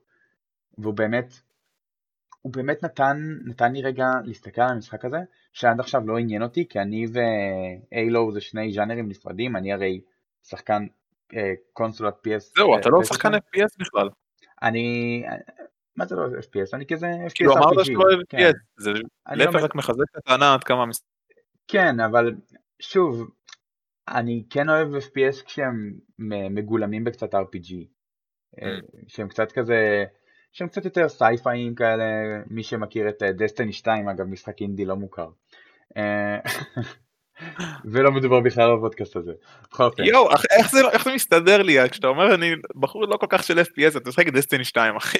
זה הכי שמה אני לא אצליח. אני, אני, אני מאוד אוהב את ה grind, בוא נגיד את זה ככה, אני מאוד אוהב שטוחנים כן. אותי. אמ, איו, בכל אופן, כן. מה ש Halo 2 בא ועשה, הוא, הוא פשוט לקח את המשחק הזה שהוא כל כך מוצלח, אבל לאף אחד לא היה את האופציה לשחק בו במחשב, ונתן אותו פתאום, נתן לו כאילו אקססיביליטיות. הרי Halo 2 כשהוא יצא, אה, הוא יצא אקסקלוסיבי ל Windows Vista, ומי שלא בקיא בנושא הזה, Windows Vista הוא כישלון. הוא כישלון טוטאלי של מייקרוסופט, זה משהו שבחיים לא יצא, כאילו זה משהו שאנחנו מתעלמים ממנו, זה פשוט... בסדר, זה, לא, זה גם לא היחיד. זה ושמונה כזה משחקים לי על אותו מקום. שמונה, שמונה שודרג מאוד מהר לשמונה אחד. שמונה שודרג מאוד מהר אחד, ושמונה אחד היה מצוין. כולנו נסכים שווינדוס 98 הכי טוב בעולם. ש Windows מה? 98 הוא היה ה Windows הכי טוב בעולם. אין כפרה עליו. זה ו... כזה פשוט אחי. מיד אחריו כזה ב slow margin Windows 10 לדעתי זה ה Windows. כן כן כן. בכל אופן אז, אז הוא לא היה נגיש לאף אחד Windows Vista היה מאוד נוראי מפוצץ באגים מטורף. ורק מי שהיה לו Windows היה יכול לשחק Windows Halo 2 במחשב שלו. שזה מטורף לחשוב על זה. מי שהיה לו Xbox שיחק בו ב Xbox פשוט. אבל לא להרבה אנשים היה, היה את ה Xbox, בייחוד, אה, בייחוד לאור, לאור העניין שהיה לך באמת את העניין של PlayStation אה, והיה לך עוד אלטרנטיביות, עוד אלטרנטיבות אז, המשחק יצא, יצא ב-2004, זה לפני ה Xbox 360 אפילו, זה ל Xbox המקורי, אני מתנצל, הטעיתי אתכם, ל Xbox המקורי הוא יצא. וואו. כאילו, לא היה לאף אחד שום סיכוי לשחק בו, ובגלל זה המשחק הזה פשוט לא, לא היה הכי מוכר, וזה פשוט היה מעצבן, כי כי בנג'י באותה תקופה פשוט היו ה master, ה masterpiece של ה... פשוט יצאו masterpiece game, כאילו. ה-FPS שלהם היה ה-FPS הכי טוב, זה המשחקים שלהם, זה היה gateway ל-FPS. אנשים היו כאילו, מישהו היה אומר, וואו, אני לא אוהב משחקי FPS, אתה היית אומר לו, אחי, לך תשחק Halo. אתה, כאילו, הילו 1, הילו קומבט איבולב, הילו 2, הילו 3, ויהיה לך כאילו כיף. וזה זה, אה, הימיר? לא. הימר? המר. הימור. לא, אני רוצה להגיד... אה, טוב משנה. המרה? המרה, תודה. זה המר הרבה אנשים, וואי זה בדיוק לא המילה. המיר, כן, המיר. המיר, תודה. וואו, איזה פדיחה. זה הרבה אנשים ל-FPS, הוא נתן לפחות את המבט הראשוני הזה על משחקי FPS, שעד אז בטח לא היו מתעסקים בזה, או היו מאוד אה, שחקני אסטרטגיה או משחקי RPG, אתה יודע, כאלה שפחות היו נכנסים עכשיו לגוף ראשון ו... ויורים על דברים. זה נתן לך את ה gateway הזה, נתן לך את האפשרות להתנסות במשהו שהוא, שהוא מדבר אליך, אתה יודע, הרי, הרי Halo זה חלל, זה sci-fi, יש לי גם, יש לך חרבות לייזר, את ה energy sword, את כל הרובים המיוחדים, כאילו זה, זה, זה FPS במסווה של sci-fi, וזה מה שמכניס אותך כל כך לעומק הזה של המשחק. זה, זה גם למה אני כל כך, כל כך התלהבתי שראיתי ש Halo 2 מקבל את ה... את ה Anniversary treatment שלו. וכשהציגו אותו ב-E3 לפני אה, כמה שנים, לפני שהוציאו אותו כאילו כמובן ל-PC, הייתי, אני ישבתי כאילו באור, והסתכלתי ואמרתי וואו, זה, זה נראה מטורף. זה היה נראה מטורף, והגרפיקה שהציגו אותה, אותו עליה, על ה Xbox One, הייתה נראית בזמנו כאילו עוצ, עוצרת נשימה, באמת, הסתכלתי על זה ואמרתי וואו, לא מאמין של Xbox יש אקסקלוסיבי סוף סוף, ככה. cheap shot. אתה יודע, זה בדיוק הלהבדיל, לא, זה בסדר, וזה בדיוק הלהבדיל כאילו מה Xbox Series X עכשיו עם ה Halo, שכאילו, וואו, אני רואה כל כך הרבה תמונות שמשוות בין ההיילו הישנים לחדש הזה, וזה פשוט מזעזע אותי. עד כמה המשחק הישן נראה פי ארבע יותר טוב. כאילו הפכו תנים, כאילו זה המשחק, מה שהציגו עכשיו זה המשחק של 1997, ומה שאני רואה ב-1997 זה המשחק שמציגים לי עכשיו, שזה מזעזע. אה, אתה לא, מדבר על... אה, איזה משחק אתה מדבר? על... אה, על הילו. לא, לא, לא, בהילו. הילו יצא ב-2001. 2001, למה? 97? כן, כי נזכרתי בטח בארט אוף דארקנס או משהו. כן. אבל אז מראים את ההבדלים של 20 שנה, והמשחק הכי חדש נראה כמו מה שיצא לפני 20 שנה. תראה, אפשר לדבר על זה שאלוהים אינפינט נראה על הפרצוף, ואפשר, אני, אני אזרום איתך ואני אצחק עליו שנ, שנתיים, באמת. אבל אני לא יכול להתעלם, ואני אף פעם לא אוכל להתעלם מהטרילוגיה המקורית של הילו, הילו 1, 2, 3 ו-ODST, שהם פשוט, כאילו בנג'י עשו אותם, והם עשו פשוט הילואים, אין לי כאילו, אין לי מה להגיד, גם Halo Reach, כן, גם Halo Reach של בנג'י, אבל נוכחתי לגלות ש Halo Reach קצת פחות טוב, אבל בסדר, ברמה עקרונית. תראה, אתה יכול, בדיוק, אתה, יכול להתנחם בעובדה גם, לפחות שאוקיי, בנג'י באיזשהו שלב Halo כבר זה לא היה מיינסטרים שלהם, אבל איזה כיף לי שיש לי Destiny והם אה, לא מפסיקים לתת לי כותרים טובים, שזה... מה, אמרת Destiny הרגע? אני עכשיו, אה, זהו בדיוק, בהקשר קצת אחר לנושא הזה, אני כזה, אני זוכר שניסיתי לשחק Destiny ולדעתי גם הוא היה חינם, או משהו כזה, וכל החבר'ה ניסו לשחק Destiny.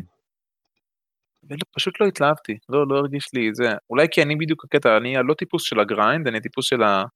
אני פשוט, תן לי את המאה אחוז של המשחק שאפשר לסיים אותו, אבל לא, לא grind של נשקים, בגלל זה אני לא כל כך מתחבר ל Borderlands, ובגלל זה לא התחברתי, אה, וואו, לא יודע איזה משחק שרציתי להגיד, שהוא גם טיפוס של grind, אה, וואו, אוקיי, לא, לא זה, אלא זה שניסיתי, כשקניתי את המחשב, אז קיבלתי במתנה, איזה יופי, את המשחק שכולם דיברו עליו, שהולך להיות משחק השנה, אולי העשור, Anthem. שהמשחק הזה כבר אה, הושלך לפח מזמן, כן, אבל היה לו כזה פוטנציאל והוא כזה וואי זה נראה כמו Destiny יותר מתקדם fucking רובוטים בעתיד sci-fi דיסטופי לא, הולך להיות מטורף איזה כיף מדהים. שלוש שעות שרפתי עם חבר שלי על מפה שאין בה אף אחד ושום דבר וכל המשימות חוזרות על עצמם וזה היה מזעזע. ואני משתמש במילה הזאת היום יותר מדי וכנראה יש לזה צדק. אני רק רוצה להגיד ש... ששיחקת, היית במשחק שלוש שעות, בפועל שיחקת אולי חצי שעה, זמני טעינה שלו היו... בדיוק, כן. מלא. איזה לובי, הזוי. אם כבר מדברים על משחק שצריך לקבל remaster, כאילו, Anthem. Anthem לא, לא, לא. אני אגיד לך למה. לדעתי הוא פשוט, הם פשוט אכלו אותה ומגיע להם. פשוט מגיע להם, כי הם שיקרו, והם כן. ביזו, והם מזכירים לי את, אה, איך קוראים למשחק אה, החלל גם? Star Citizen? לא, לא, לא, לא. רץ, אבל... אני לא מתחיל על מה שאמרתי, נכון מאוד Star Citizen, מסתכל עליך. רמאי. יואו, נו, עוד משחק שגם שיקרו, שכולם חיכו לו. אה, נו, כוכבי לכת, עולם, יש מלא כוכבי לכת, והאלגוריתם כל פעם יוצר כוכבי לכת חדשים, ואתה יכול אה, לראות... אתה מדבר על No Man's Sky. No Man's Sky, וואו, כן, ברח לי לרגע השם. כן, אבל No Man's Sky redeemed itself, כאילו הוא נראה הרבה יותר טוב עכשיו. זה בדיוק הקטע, כאילו הם חטפו את הקביעה שלהם, אני זוכר, עבדתי בבאג תקופה, ומכרתי פלייסטיישנים עם אה, נגיד אה, ערכות אה, השקה כאלה מיוחדות, אז כל פעם יצא משחק מיוחד, נגיד היה Black Ops 4, אז יצא פלייסטיישן של Black Ops 4 יחד עם המשחק כמובן, ואיזה שלט, נגיד כל פעם מגיעות איזה 16 ערכות, 20 ערכות, 10 ערכות, בנורמן סקאי היה לנו 20 ערכות שאף אחד לא קנה. זה הגיע למצב שנגמרו לי כל הפלייסטיישן הרגילים, שנגיד עולים 200 שקל פחות, והנורמן סקאי כביכול יותר משתלם, כי זה עוד משחק פלוס שלט, ברק 200 שקל הבדל, ולא קנו אותו. כי פשוט הוא היה כל כך גרוע, ההשקה שלו הייתה כל כך נוראית, אף אחד לא הכיר את המשחק, שום דבר לא עבד באמת, הם נכוו, נשרפו, ואיכשהו הצליחו לצאת מזה, והאמת שדווקא היום הוא ממש טוב, ממש טוב אפילו. יצא לו גם עכשיו עדכון אה, אימה חדש שגם תומך ב-VR. נכון, נכון, יואו. וואו, זה באמת כאילו, ראיתי את זה ואמרתי לעצמי, אוקיי נומן סקאי, אני אקנה אותך בסוף, תיזהר. בסוף אני אקנה את זה. זה חלק מהלבטים שלי, כי אולי היה לי נינטנדו סוויץ' ומכרתי אותו כי הרגשתי שאוקיי יש לי היום PC מספיק חזק והנינטנדו כזה קצת שואב לי את הזמן לדברים שאני לא צריך כרגע והסוני 4 קצת מעלה אבק כי כבר אני לא חדש ואני מחכה כזה לחמש. ואני אומר אם היה איזה משהו חדש שאני צריך כבר לקנות כי זה כנראה איפשהו הדור הבא זה VR זה Oculus Rift זה זה משהו בסגנון הזה אה, לשחק את כל ה- Half-Life החדש שיצא לזה ודווקא את ה- No Man's Sky באווירת אה, VR אימה ויש לזה שוק מדהים, מדהים, ואני מת שזה יתפתח יותר, מת. אני, וואו, אני מבין אותך לחלוטין. זה חייב, חייב להיות טיפה, ה-VR של עכשיו, הוא פשוט, הוא עדיין לא, ב, לא ברמה שאני רוצה שהוא יהיה. הוא לא שם. הוא כן. לא שם. נגיד, אני עם ה-VR של הסוני, ואני יכול להגיד בלב שלם, אל תקנו את ה-VR של הסוני. כן, אל. נכון. חכו לסוני 5, חכו שיצא VR את הקיט הבא שלהם, את ה-PSVR 2, לא, זה לא מאומת, אני לא יודע מתי הוא יצא. כן. אבל ברגע שהוא יצא, ויצא איזשהו שדרוג לקונסולת סוני 5, אה, את זה תביאו, כי הייתה להם התחלה טובה, וזה פשוט המכשור שלהם, הוא לא שם, המכשור שלהם נכון. הוא, הוא, הוא כל כך זול, אם, אוקיי, אם יש לך ילד קטן, שאתה רוצה להכיר אותו לעולם של ה-VR, מה זה קטן? 16 ומעלה, כן? כן. שיהיה לכולם ברור, שיהיה לכולם ברור, כן. זה לא רק קטן שנתיים, זה קטן 16 ומעלה. אז אז אולי בשביל כזה חוויית ה-VR הראשונה, שלא תעלה לך אלפי, אלפי שקלים, אולי הייתי אומר, סבבה, PSVR, אבל יותר מזה, לא ולא ולא ולא ולא לא ולא. אז זהו, אני ממש רציתי לקנות Oculus Rift, ממש לפני כמה ימים היה לי כזה דודה מטורפת, התחלתי לחפש, ראיתי שאין אותו בעולם, אין באמזון ואין בשום מקום בארץ, והכל אפשר להשיג זה, קודם כל המחירים שלו מאוד גבוהים, ואז ראיתי שהדבר היחיד שאפשר למצוא אותו אולי זה ביד 2 או ב market store כזה של אה, פייסבוק, ואז 2,000 אה, ומשהו שקל, אז אה, אמרתי אוקיי, אולי נחכה ליום הולדת ונראה כן. מה יהיה. חפרנו להם פה על ה-VR. כן, בסדר, אולי זה היה שווה את זה. אמ, בסדר חברים, אז אה, עד כאן אה, הפרק שלנו להיום, אנחנו מקווים שנהנתם, אנחנו בכל אופן, אני באופן אישי מאוד נהניתי, אני בטוח שגם אליעד. נכון, בהחלט נהניתי. כן. בהחלט נהנינו. גם שמחים, אנחנו שמחים שנהניתם איתנו ואנחנו שמחים גם שאתם אמ, ממשיכים להאזין לנו ואנחנו מבטיחים גם שאנחנו נמשיך לספק עוד אה, תוכן איכותי, מצוין, מקורי ומעניין. כן. אז אני הייתי אלמוג. אני הייתי אליאן, ואם יש לכם שאלות, תגובות, בקשות, תגובות. בכיף. ביי לכולם. להתראות.